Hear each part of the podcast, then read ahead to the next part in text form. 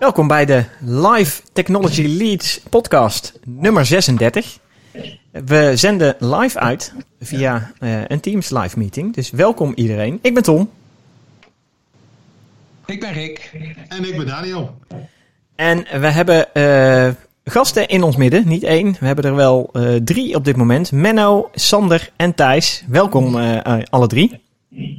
Ja, welkom jullie ook. Ja, ja uh, en we zijn uh, live aan het uitzenden, want wij hebben natuurlijk gisteren, hebben, heb ik onder andere in ieder geval gekeken naar een geweldig event, het Vint Symposium. En jullie hebben daar ja, een hele actieve rol in gespeeld natuurlijk.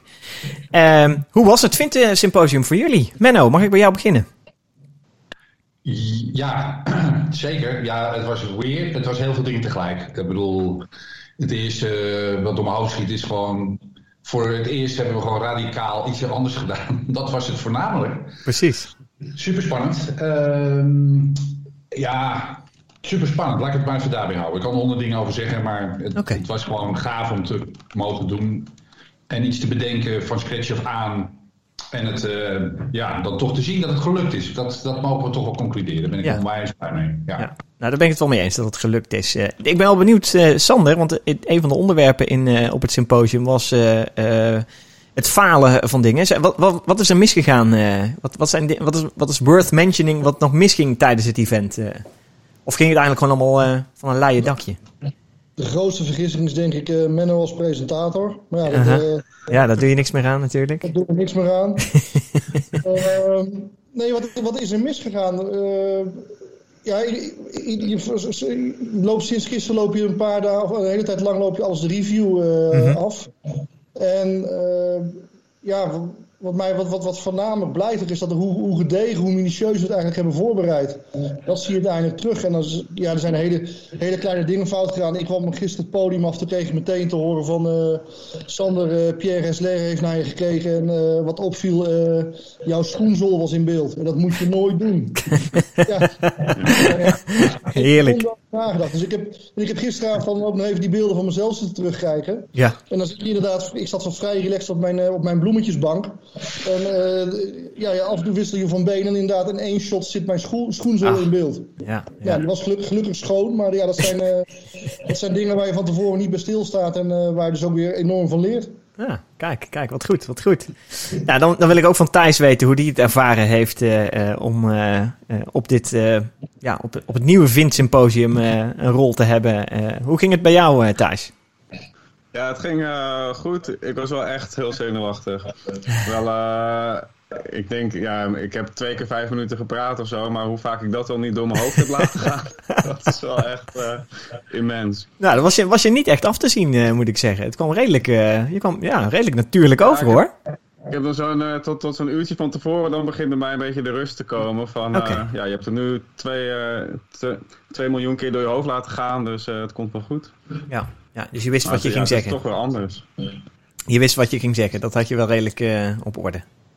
Ja. nou, ja. Misschien is het wel leuk om, te, om, om, om een beetje een kijkje... Het is natuurlijk een beetje een kijkje in de keuken. Maar, mm -hmm.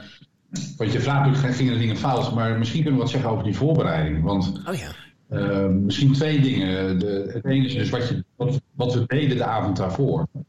Dus we hebben elke scène hebben we meerdere keren gedaan met alle sprekers. De sprekers waren er niet, maar hadden we stand-ins.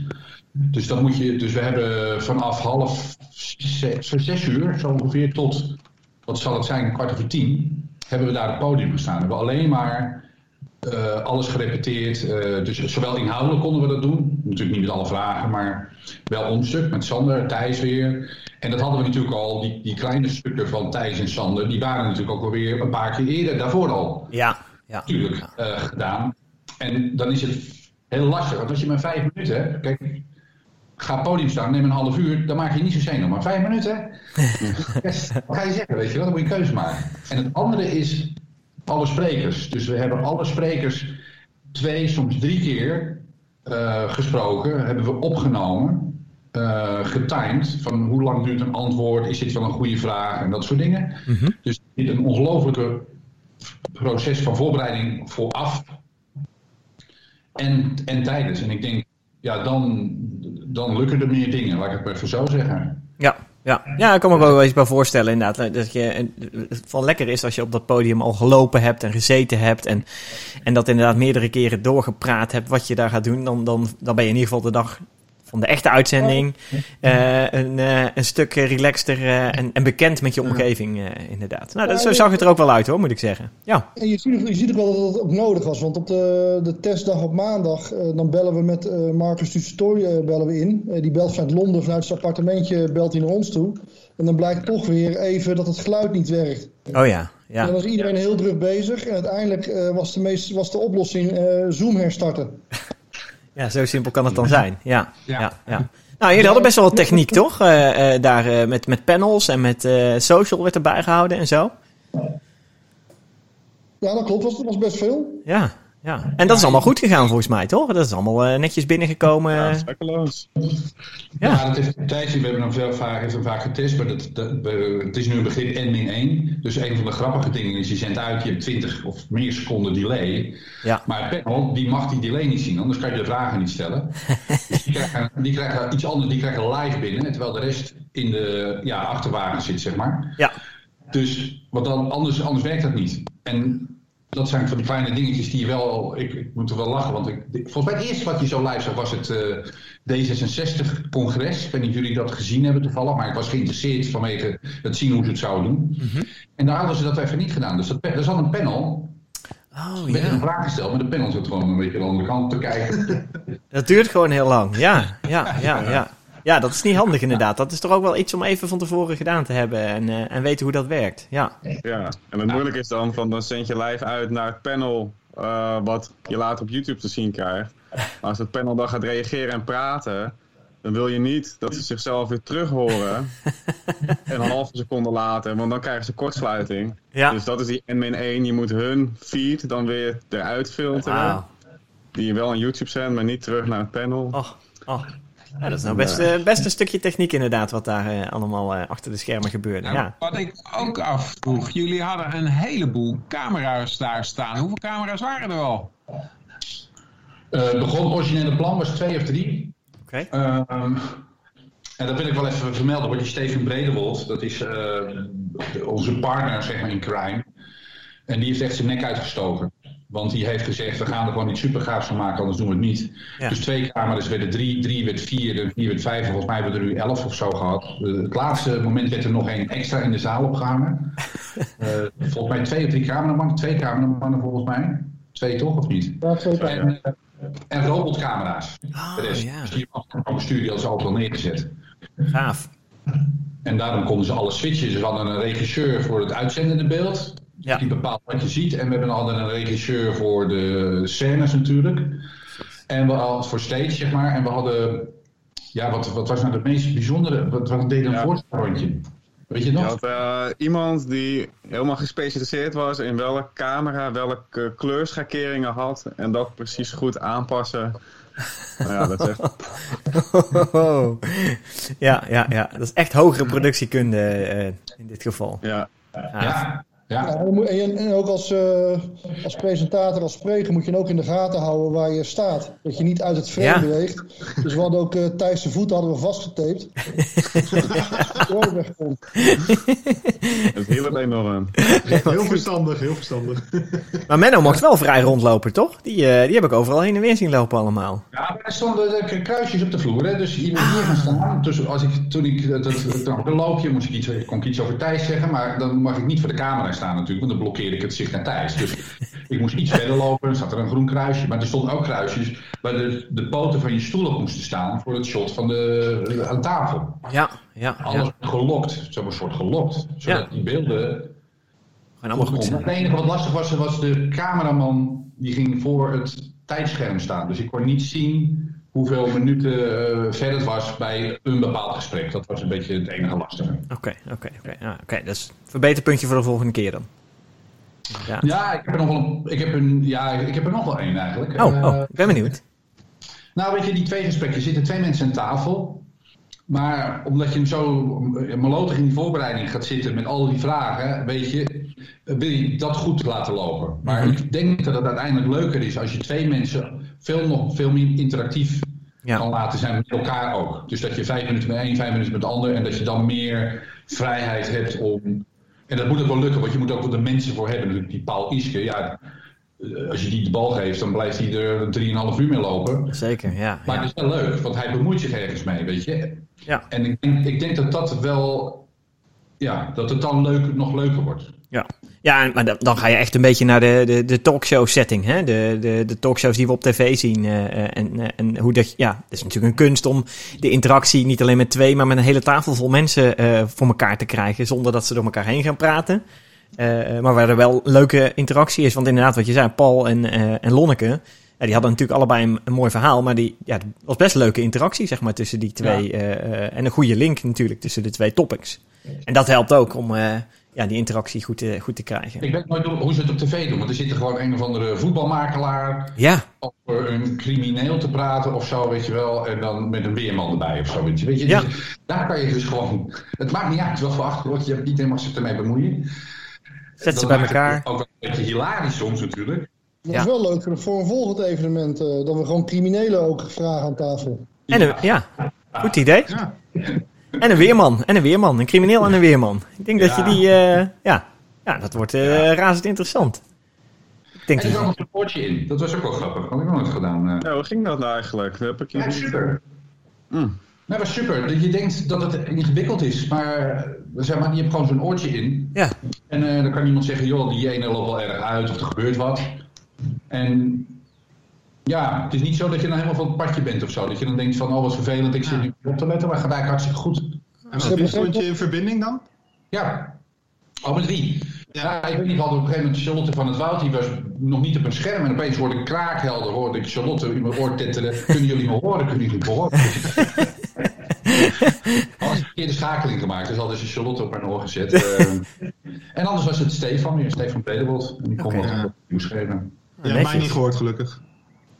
Nee, ik weet niet wat je... Waar, Nee, dat, niet dat zat je op een ander kanaal gelukkig. Oké. heel goed, heel goed. Hey, en eh, wat, wat ik ook nog benieuwd ben, eh, kregen jullie, want dat was met name Lennart natuurlijk die eh, de social in de gaten hield, en ook de chat eh, deed, die naast de, de YouTube feed liep. Eh, die vond ik persoonlijk erg leuk. Ik vond het echt leuk dat je zo'n chatfeed hebt naast je beeld. Ehm, eh, ja, dat maken jullie volgens mij niet of nauwelijks mee. eh, dat er best wel een discussie gaande is over alles wat er. Ja, wat jullie vertellen, eh, de linkjes die langskomen, eh, er worden grappen gemaakt, eh, dat soort dingen. Hebben jullie daar iets van meegekregen tijdens de uitzending? Ja, jawel. Tenminste, ja, ik denk Menno het minst. Ja. Eh, maar ik had natuurlijk af en toe de gelegenheid eh, tussen mijn eigen items door om naar de YouTube-stream te kijken. En dan ook met name naar de, de comments te kijken. Ja, En dat ging, eh, wat, wat mij opviel, dat ging... Dat was een tsunami aan, aan commentaar. Eh, Precies. Vragen, af en toe een stukje humor en eh, Ja. elkaar af en toe aanscherpen. Maar dat ging razendsnel en daar zat gelukkig eh, Lennart eh, goed zijn best te doen. ja, ja. Ja, ik vond het erg leuk omdat, want in een eh, fysiek symposium, vindt symposium, eh, eh, als we met z'n allen in die zaal zitten, dan wordt bijvoorbeeld een medium als Twitter gebruikt om, ja, zeg maar, het commentaar te geven op het symposium. Tenminste, ik gebruik het en je ziet dat best wel mensen dan bezig zijn met een, een quote of een, een berichtje te zetten op Twitter over wat ze vinden en wat ze, wat ze horen op het podium. En nu heb je dat dus gewoon live ja, naast het eh, YouTube-beeld. En ja, dat werkte echt ontzettend goed, moet ik zeggen. Dat, wat dat aan gaat, was dat echt wel eh, een verrijking zeg maar, van, het, eh, van het symposium ook. Ja, dat dat ja. maakt het ook zo spannend. Want wat mij dan ook na de hand pas echt ja, bij mezelf het kwartje viel. Je hebt gewoon meerdere lagen met dit evenement gehad. Je hebt gewoon je livestream. Waarbij we alle, alle drie druk bezig zijn om ons verhaal te presenteren. Mhm. Eh, je hebt het panel, eh, dat, dat weer een aparte laag is. Je hebt, de, de, je hebt onze filmpjes in een soort van backchannel die we met sprekers hebben gemaakt. Je hebt dan eh, je, ja, je hebt, je hebt de, de, de chat nog eens een keer. En je hebt nog eens een keer mensen die inbellen. Dus op allerlei niveaus ben je met elkaar aan het communiceren. Dus ik vond, dat vond ik wel heel, heel spannend. Ja, ja, ja en, en gewoon gaaf uitgepakt. Ik vond het echt een, eh, een goede combo eh, van, van al Ja, die verschillende streams. hebt nog een, volgens mij nog eentje, dat is gewoon natuurlijk achteraf. Want normaal, kijk, ook het symposium namen we wel op of zo. Maar je bent er niet bewust mee bezig dat je iets uit hebt gezonden wat je daarna nog kan bekijken. En daar ben je toch meer bewust van als je zo'n programma maakt, wat we gedaan hebben. Dus volgens mij nu de, de YouTube-video is iets van 2700 keer bekeken nu. Ja. En, eh, en het gaat nog steeds goed, weet je. Dus dat is ook weer een andere laag die je dan hebt. En ik weet zeker dat Lennart weer stukjes uit gaat knippen. Ik kreeg eh vragen van eh, een van de sprekers, die wil graag zijn stukje eruit hebben, die wil die intern gaan delen en dat soort dingen. Weet je, dus dat, dat, dat is ook wel weer nieuw. Ja. Nou, en we maken nu een podcast natuurlijk, die straks eh, ook weer nu live te volgen, maar ook gewoon online weer te downloaden en te luisteren is. Eh, dus Ja, dat ja, is- hoe gaan jullie het volgend jaar doen? Weten jullie dat al een beetje? Van, Ja, goede vraag. We hebben er wel meteen over gehad, gisteren al. En kijk, het, je- het eerste wat je kan bedenken is natuurlijk, ja, stel dat je weer naar het, dat je weer naar het spand mag. ja. daar naartoe gaat en dat je elementen hiervan overneemt.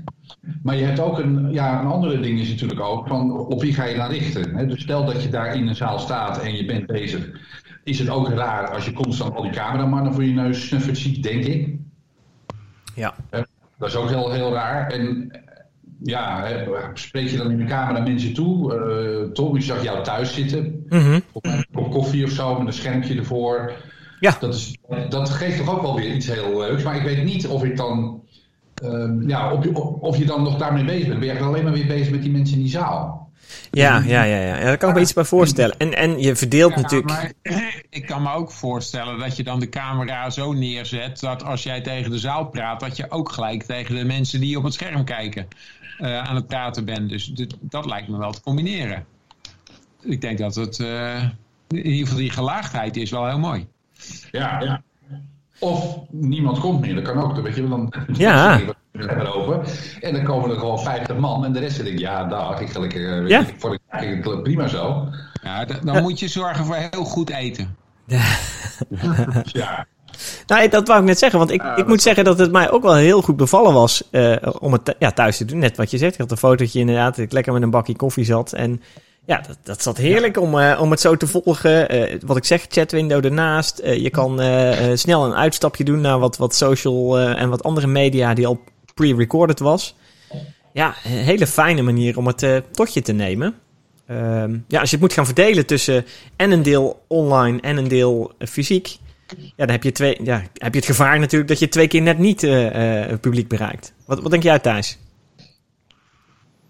Ja, ik weet het niet. Ik, eh, ik vind het wel grappig van, eh, dat Rick zegt van dat het eten moet beter. Misschien moet je nog meer moeite doen om mensen naar een fysieke locatie te laten komen. Ja. Om, eh, dat het toch wel heel verleidelijk is om achter je laptopje te gaan kijken. Maar dat, het, dat uiteindelijk de indruk, de impact op de lange termijn minder heftig is. Ja. Van achter je laptop. Ja. Ik denk dat het ook meespeelt, Thijs, dat ehm, sommige mensen vinden het leuk om op een locatie te zijn en daar dingen te zien en mee te maken. En andere mensen die vinden dat reizen eh, misschien dan eh, een bezwaar en denken van ik kan het eh, vanaf mijn eigen computer ook wel zien. Dus ik Ja, denk dat ik een gemixt publiek heb. Maar als ik, als ik naar mezelf kijk, dan weet ik dat ik het toch wel heel verleidelijk vind om dan maar niet een uur te gaan reizen en gewoon thuis te gaan kijken. Maar dat ik uiteindelijk een minder diepe indruk eh, van dat event krijg en dat het me minder raakt.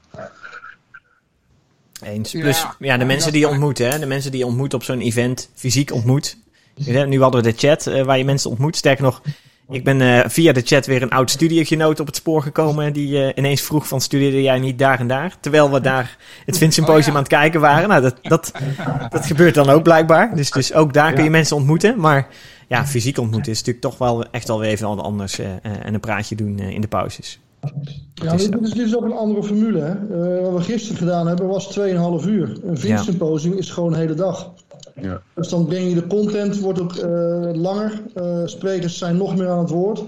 En nu eh, ja, waren sprekers kort aan het woord, moesten snel hun verhaal vertellen. eh, onder de leiding van Menno. Dus ja, ik vraag me ook af of het eh, met z'n tweeën te combineren is. Kijk, Mhm. Vraag me echt af. Ja. Nou ja, nou, dat is een goed voor, punt. Voor een online evenement was die 2,5 uur ook al best wel lang. Hè, het, het, eh, het was best een lange zit, waarbij het ook nog meespeelde dat in één pauze gingen die TikTok-filmpjes eh, tonen. En da- daardoor heb ik in ieder geval geen pauze gehad, want ik vond die filmpjes allemaal hartstikke leuk. Maar dan heb je gewoon anderhalf uur achter elkaar door. Ja. Ja, ja. Dat is wel punt. Kijk, ik denk wat, waar wij nu mee bezig zijn, is eh, om te kijken hoe we de summit doen. Zoals jullie weten doen we ook internationale summits. één in Europa, één in Amerika. Daar zijn we nu, houden we ons vast aan een hybride model. Waarbij we per land, eh, en dat is selectiever, hè, dus het zijn kleinere groepen. Dat zijn niet eh, die massa-events. Dus per land zouden we graag mensen bij elkaar willen brengen. Dus zeg maar in, in, in Londen, eh, Amsterdam, weet ik veel, Brussel, eh, alle steden waar wij zijn, of de plaatsen waar we zijn. En dan ehm, ook iets digitaal. En dus een laag eroverheen, dus met de lage gebruiker van, van Sander. Ehm, ja, een beetje Eurovisie Songfestival, ik mag het niet zeggen, maar Mhm. je kan natuurlijk elk land, kun je, je kan van land naar land schakelen. Maar hier is eigenlijk de belangrijke vraag, hoe, hoe zorg je dat mensen daar kunnen participeren? Dus je wil eigenlijk wil je niet alleen dat je daar bent en dat je dan een restaurant sprekers kan volgen die interessante dingen gaan zeggen. Maar hoe kan je de groep per land eh, misschien laten bijdragen aan het totale programma?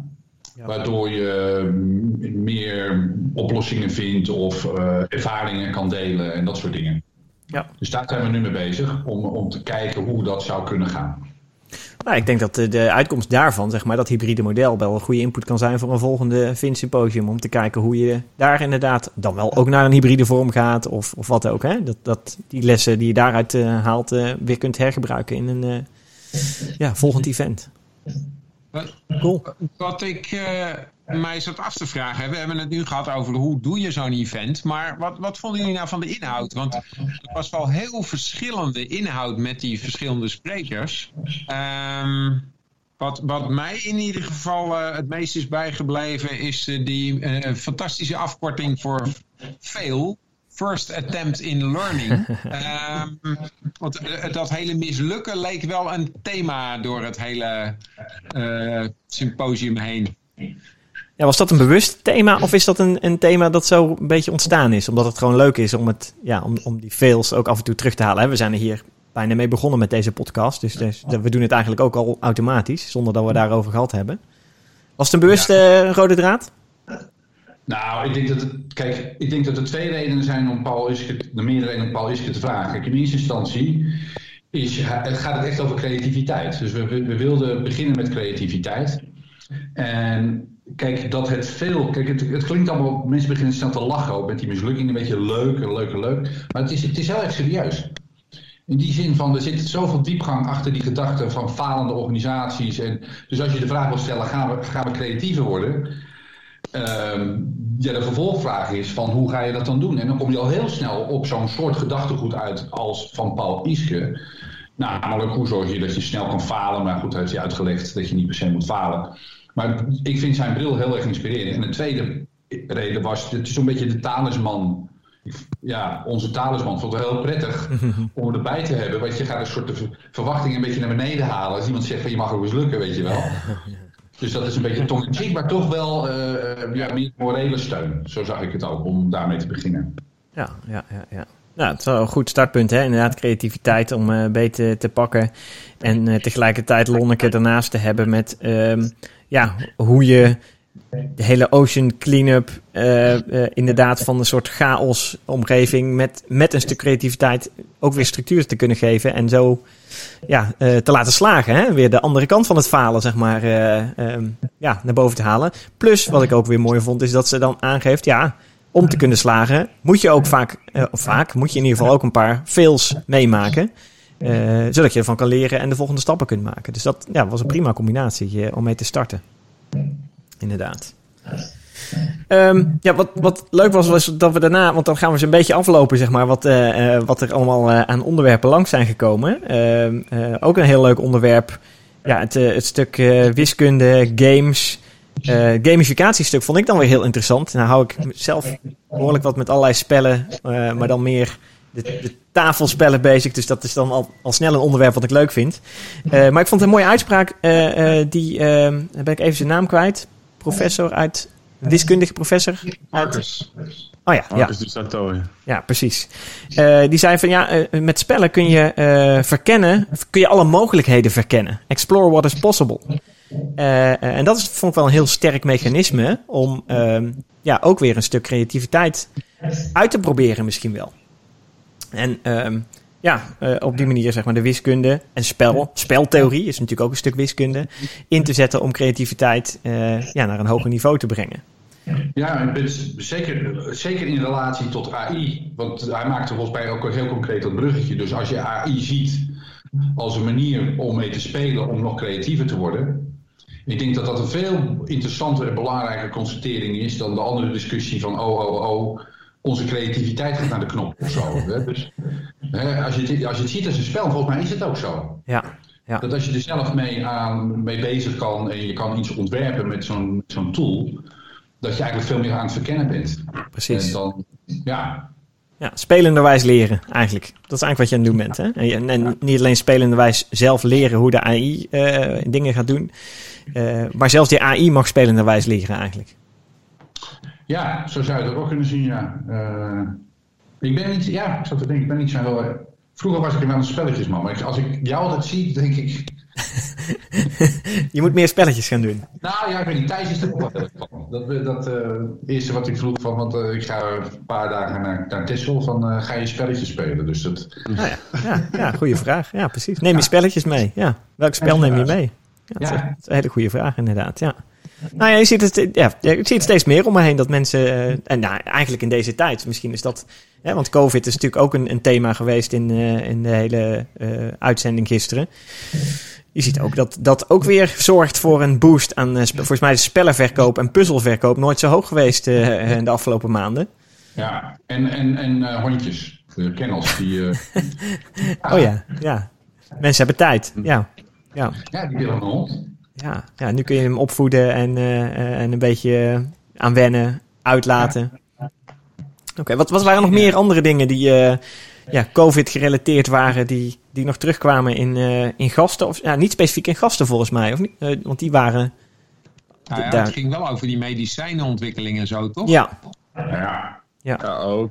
En Koert van Mensvoort over zijn Next Nature. eens. Want het, het gaat natuurlijk ook over de hele relatie die we hebben met de natuur.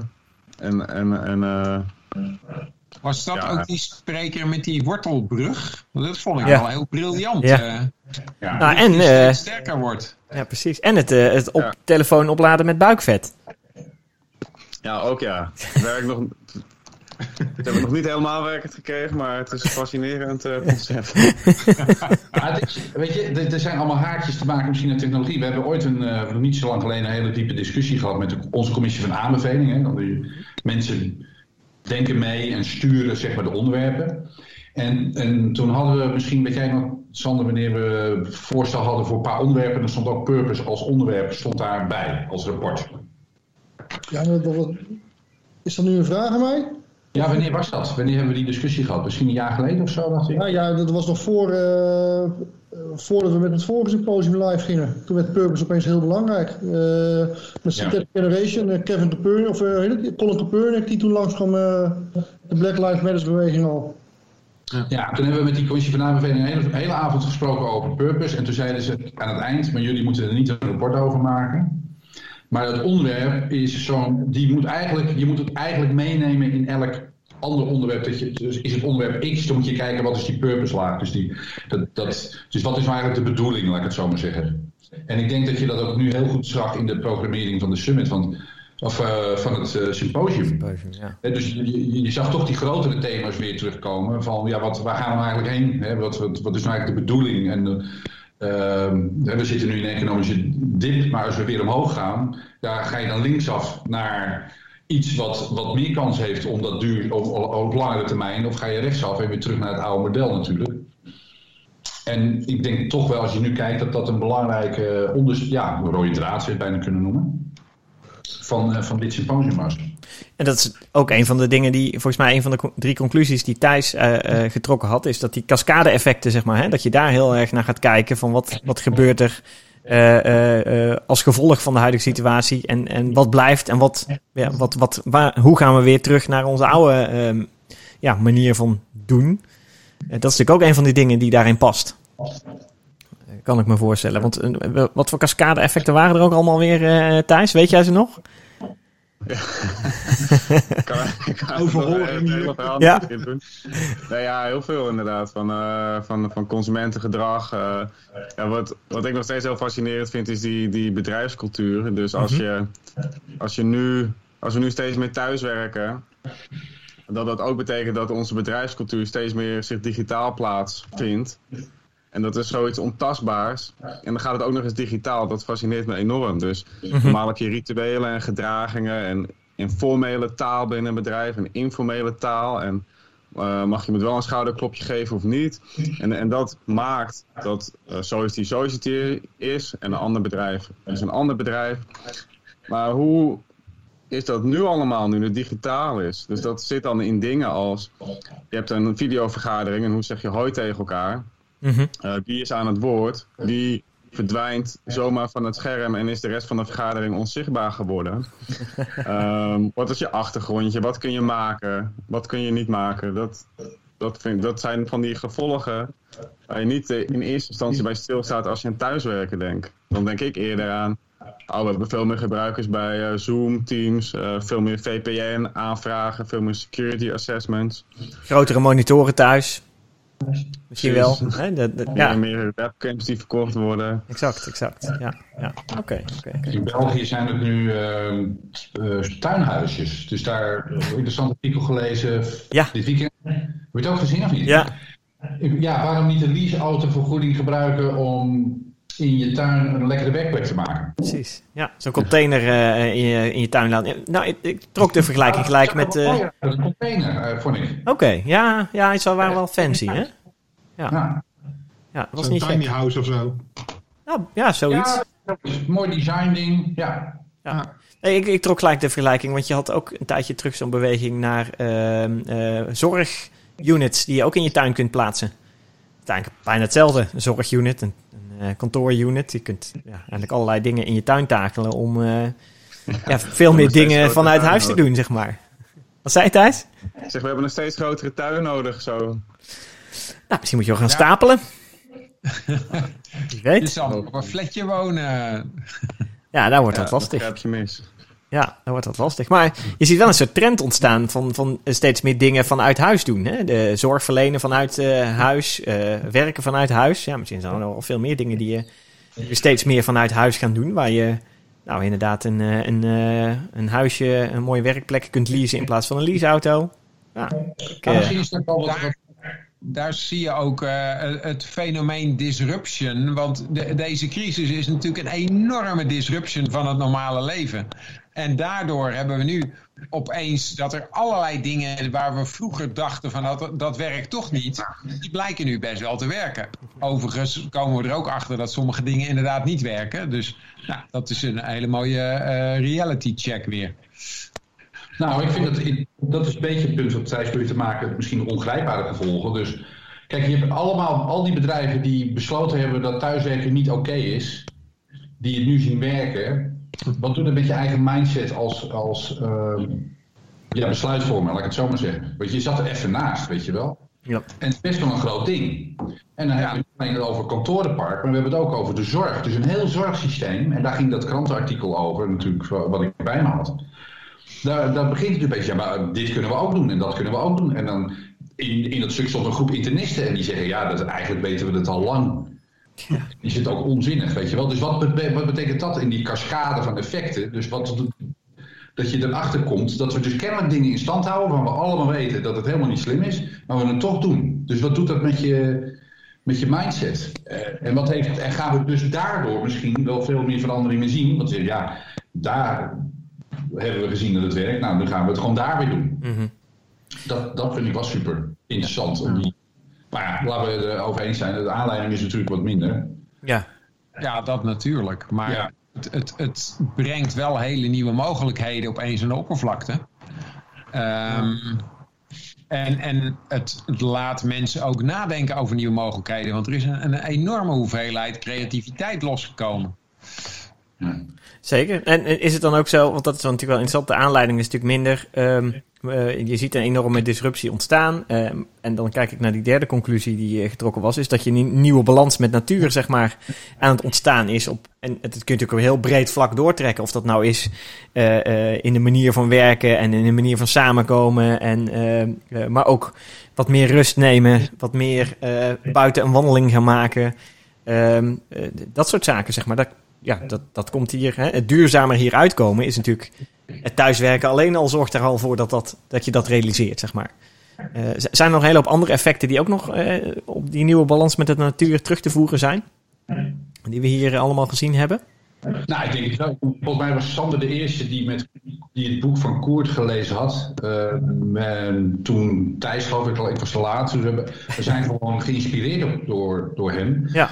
En kijk, zijn boek gaat niet per se over duurzaamheid. Dus het Next Nature, daar hij legt gewoon een tapijt neer van eigenlijk een toekomstbeeld neer. Van onze, dat we onze verhouding tot de natuur beter moeten begrijpen. En van daaruit kan je dan vervolgens gaan zeggen, ja, wat betekent dan meer duurzaam of re- regenerative eh, en dat soort dingen. Kijk, hij maakt, en dat is natuurlijk misschien wel terugkomen op jouw vraag, eh, ook duidelijk, wij zijn niet eh, de, per se de winnende soort. We, zijn geneigd om de mensen helemaal bovenaan de ladder te zetten van alle, al het levende spul.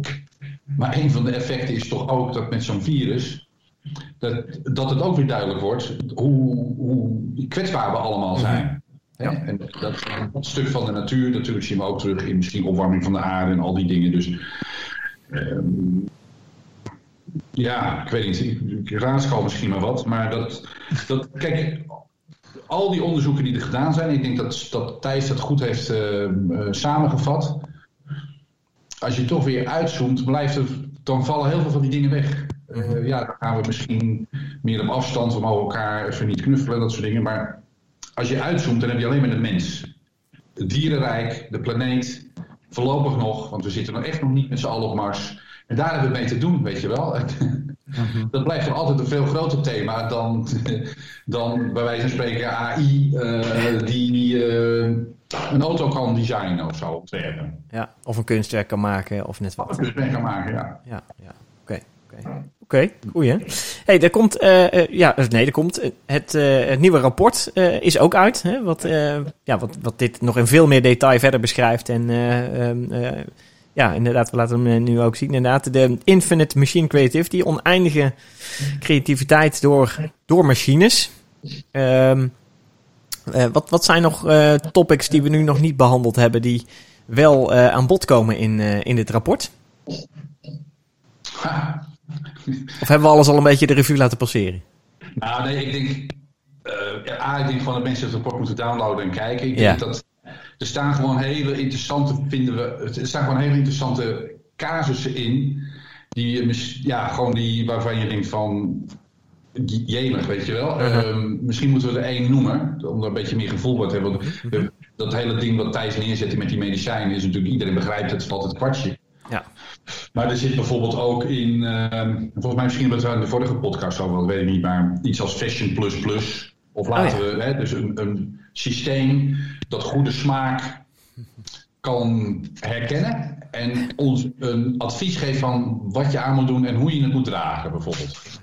Weet je, eh, dat soort dingen. En dat, eh, of ehm, Vandaar ook de vraag in de chat eh, oh, van, eh, van Lennart eh, des- bij het begin van het symposium over je jasje. Of niet? Heeft dat er niks mee te maken?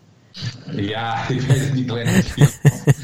Met iedereen zijn jasje wat. Dus, eh, nee, als je erover nadenkt dat dat kan, weet je wel. Dus dat je systemen kan bouwen die smaak kunnen herkennen. Ja, Weet je, een beetje groot denken. En denk je, ja, dat... Een beetje door je oogharen heen kijken. En denk je, ja, wauw, dat zijn wel interessante grote veranderingen. Ik bedoel, natuurlijk medicijn ontdekken, dat is eh, helemaal geweldig. Maar in elk domein, in elk gebied, zie je de opkomst van de, van de creativiteit door machines. ja En, en dat is gewoon, eh, ja, normaal je moet gewoon het rapport downloaden. En precies. jezelf laten inspireren, denk ik. Ja, ja. En dan krijg je antwoord op de vraag wie is creatiever, de mens of de machine? Toch? Ehm, ja. De aarzelende ja. ja het is misschien, ook meer, misschien moet je ook meer je eigen antwoord erin vormen door het te lezen. Misschien is dat het ook wel meer. Nee, maar volgens mij hadden we het er net wel over. Het, is, het wordt nou, uitgedaagd. Ja. Het is wel inderdaad een beetje die speltheorie. Ik vind dat een leuke metafoor. Ja. Dat is eigenlijk meer de werkelijkheid. Dus het is niet de mens versus die machine. Mhm. Ja. Het is, je wordt door uitgedaagd. En je hebt gewoon een mogelijkheid erbij om creatief te zijn. Ja, ja, mooi. En is dit rapport ook eh, onderdeel van een nieuwe serie? Of ehm, jullie hadden natuurlijk altijd rapporten met series. Eh, is dit nu weer een nieuwe of is dit onderdeel van een serie waar jullie al over uitgebracht hadden? Eh, nee, maar ik denk misschien is het wel leuk, Sander, als je iets vertelt over het rapport waar we nu mee bezig zijn. Het, dat, dat is wel ook een heel digitaal onderwerp. Ja, in het verlengde hiervan eh, zie je dat ook eh, machines die creatief zijn, zich ook met name in de entertainment eh, sector gaan nestelen. En wat we in het ja, waar we nu mee bezig zijn, is dat we eigenlijk ook eh, ten aanzien van de media een verschuiving zien. Eh, we zijn van analoog, de boekdrukpers, naar eh, van de- wat was het, de, allereerste telefoons, de fax, de boekdrukpers. Zijn we naar elektronisch gegaan, dus de televisie, de radio. Nu zitten we heel erg op digitaal, de sociale media, het internet. En de volgende stap noemen wij dan eh, synthetische media. Dat is media die gecreëerd is door eh, kunstmatige intelligentie. En dan kun je nagaan, we hebben ook volgens mij in het huidige rapport een aantal dingen beschreven. Eh, een AI die naar Flintstone filmpjes kijkt. die labelt en vervolgens kun je zelf een stukje tekst schrijven van Fred Flintstone zit thuis aan tafel en leest een boek. En dan gaat de AI uit oude Flintstone filmpjes beelden erbij zoeken om het verhaal te maken. En dat is interessant. Of eh, synthetische media die zelfstandig muziek kan genereren die niet van echt te onderscheiden is. Of synthetische media die virtual influencers of eh, digitale mensen of deepfakes maakt. Eh, wat betekent dat dan? En dan kom je in een hele andere vraagstuk dat je eigenlijk met dit soort nieuwe media compleet nieuwe realiteiten kunt creëren. En dan krijg je weer vragen van wat is waar of wat is niet waar? Wat is echt of wat is niet echt? En eigenlijk betekent dit ook een soort van, eh, als je kijkt naar het entertainmentgebied dan, een explosie van creativiteit. Van mensen kunnen nu zelf van achter een computer eh, compleet nieuwe media maken. En kijk nu ook maar hoe we eigenlijk vandaag weer bij elkaar zitten achter een scherm. eh, met elkaar te converseren via een Microsoft Teams omgeving. En tegelijkertijd zijn we met een podcast bezig. Zijn we, we zijn eigenlijk onze eigen omroep aan het worden. En Absoluut. dat kan, met, dat kan op allerlei gebieden. Het verschrijven van verhalen, het genereren van muziek, het genereren van uitzendingen, het genereren van films of series. Dus de sky is the limit. Ja. Gaaf. Kijk, en dan is het misschien, dus het- waar we nu eigenlijk wat Sander al heeft gedaan, is eigenlijk al die verschijningsvormen die er zijn van die synthetische media op het vizier hebben, wat er kan. En we hebben een concepttitel van het rapport wat er gaat komen, waar in ieder geval in zit eh, spelen met de realiteit. Ehm, dat, dus ik denk dat de onderliggende vraag is dat als steeds dingen meer digitaal en synthetisch worden, hoe neem je de werkelijkheid waar? Dus wat bepaalt nou wat je ziet ehm, en hoe je er een oordeel over vormt ten opzichte van alle nieuwe mogelijkheden die er zijn?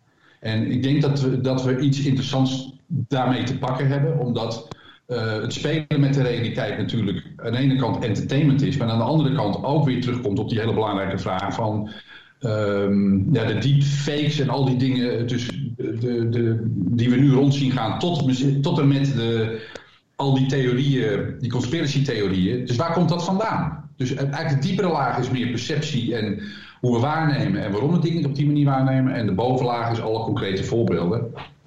En we Ja, gaan- ja, ja, even, even aanvullen. Menno zegt we hebben iets interessants te pakken. Ehm, ik denk dat het dat te weinig is. Naar mijn optiek is dit van dezelfde orde eh, als we destijds met sociale media hebben meegemaakt.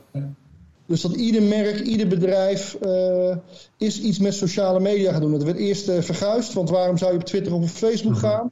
Ja. Eh, nu doet iedereen het en hebben we nog steeds maken we nieuwe ontwikkelingen mee als Instagram, Snapchat, TikTok gisteren uitgebreid over gehad. Ja. En nu, komen, nu gaan dus de machines, AI gaat het spelletje meespelen. En dan dus weer een, ja ik zeg net een explosie van creativiteit ook, maar ik denk van dezelfde orde effect als destijds eh, sociale media of digitale media had. Dat gaat dus ja, naar mijn optiek de wereld wederom eh, veranderen. Het is wel leuk dat je zegt dat, uh, dat uh, de AI het spelletje mee gaat spelen. Want je zag natuurlijk al een beetje de opkomst van de AI in uh, spelletje, echt letterlijk spelletjes spelen als AlphaGo, League of Legends, ja. et cetera. dus ook hier weer die een, een, stukje gamificatie, of in ieder geval games weer, om ja, die hele wereld te gaan verkennen en uit te proberen. Dat, dat vind ik wel heel leuk. Dat is, hè, maar ze, hebben, ze, hebben ook, ze hebben ook voor twee weken terug hebben ze een AI naar uh, Pac-Man laten kijken. Mm -hmm. uh, en die heeft het, uiteindelijk heeft hij, zonder dat er überhaupt code uit, aan te pas kwam, wow. is die, heeft hij het en kunnen spelen. En vervolgens is hij zijn eigen Pac-Man spelletjes gaan ontwerpen. Ah, waar iedereen kan spelen. En dan kom je ook nog, ja, een van de attributen van die synthetische media is ook de oneindigheid. Ja. Je kunt oneindige werelden creëren waar je doorheen kunt blijven wandelen, die je kunt blijven spelen. Uh, dus ja, fascinerend genoeg. Gaaf. Ik zat te denken, ik heb uh, uh, Donald Hoffman geïnterviewd. Um, en, en, en dat staat nu klaar in YouTube, dus ik kan op die knop drukken en dan publiceer ik het. Maar misschien moet ik dat vandaag nog even niet doen, want we zitten nog een beetje in de, in de andere thema's. Ja. Uh, maar die professor, die is dus gespecialiseerd in hoe we de dingen waarnemen. En die heb ik dus een aantal Snapchat-filters laten zien. En het is gewoon hilarisch wat zijn analyse ervan is. Hoe, ja. uh, en daar gaat er heel serieus op in. Hoe, als je daarnaar kijkt, waarom het werkt, weet je wel. En dat vind ik, de, dat, is, dat bedoel ik te zeggen, dat is een interessante vraag. Ja. Uh, het, het werkt, maar waarom werkt het? En hoe zit dat? En, en dat onderwerp willen we in het rapport ook, ook gaan behandelen. Want dan begrijpen we in ieder geval althans ik meer, nu ik dat boek gelezen heb en, en hem geïnterviewd heb, dan begrijpen we in ieder geval waarom, waarom we onze ogen er naartoe getrokken worden, onze oren, uh, naar dingen die eigenlijk maar een spel zijn. En, ja. en, en hij zegt volgens mij terecht, people are not, hij noemde truth seekers. We zijn niet in ons DNA, we zijn niet naar de waarheid op zoek. We zijn veel meer op zoek naar uh, hele andere dingen. Dingen die entertainend zijn, dingen die met evolutie te maken hebben, die ergens in ons DNA zit. En daardoor begrijp ik in ieder geval zelf veel meer waarom fake nieuws gewoon, gewoon werkt. Want we kunnen wel tegenaan blijven schoppen van het mag niet. Maar waarom, waarom werkt het? Nou, en Charlotte zei, en dat zijn dan van, van die gelaagde opmerkingen wat mij betreft, omdat je daar wel al wat dieper in zit. Maar ook Charlotte maakte gisteren tussen neus en lippen zo'n zo opmerking van, uh, ik heb mezelf heel erg moeten laten, uh, ja, leren, leren laten wennen aan, aan die camera. En na een maand of twee maanden uh, leefde ik volledig uh, in die camera. En begon dat, en begon dat cameraleven een beetje een eigen leven te leiden. Dan zijn die ook laatst zo'n zo boek ook verschenen over, uh, over influencers. Nou, die zijn dan geïnterviewd.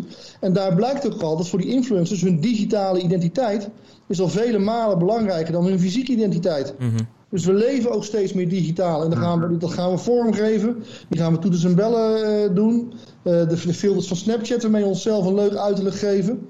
Dus ja, het doet iets met ons. Dus vandaar uh, dat we hier ja, enthousiast over zijn en graag in willen duiken. Oké, okay. ja. mooi.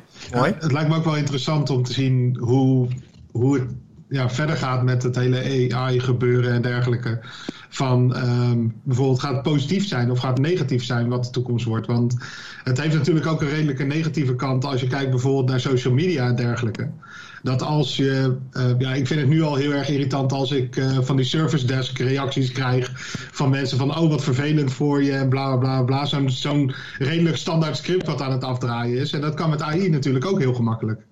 En de vraag is natuurlijk hoe dat, ja, als dat heel erg in, ja, in een massa gaat komen en uh, heel veel gebruikt gaat worden, hoe leuk gaat die social media dan nog zijn? Nou, ik dat fascinerend. Wat zei je Thijs? Hm?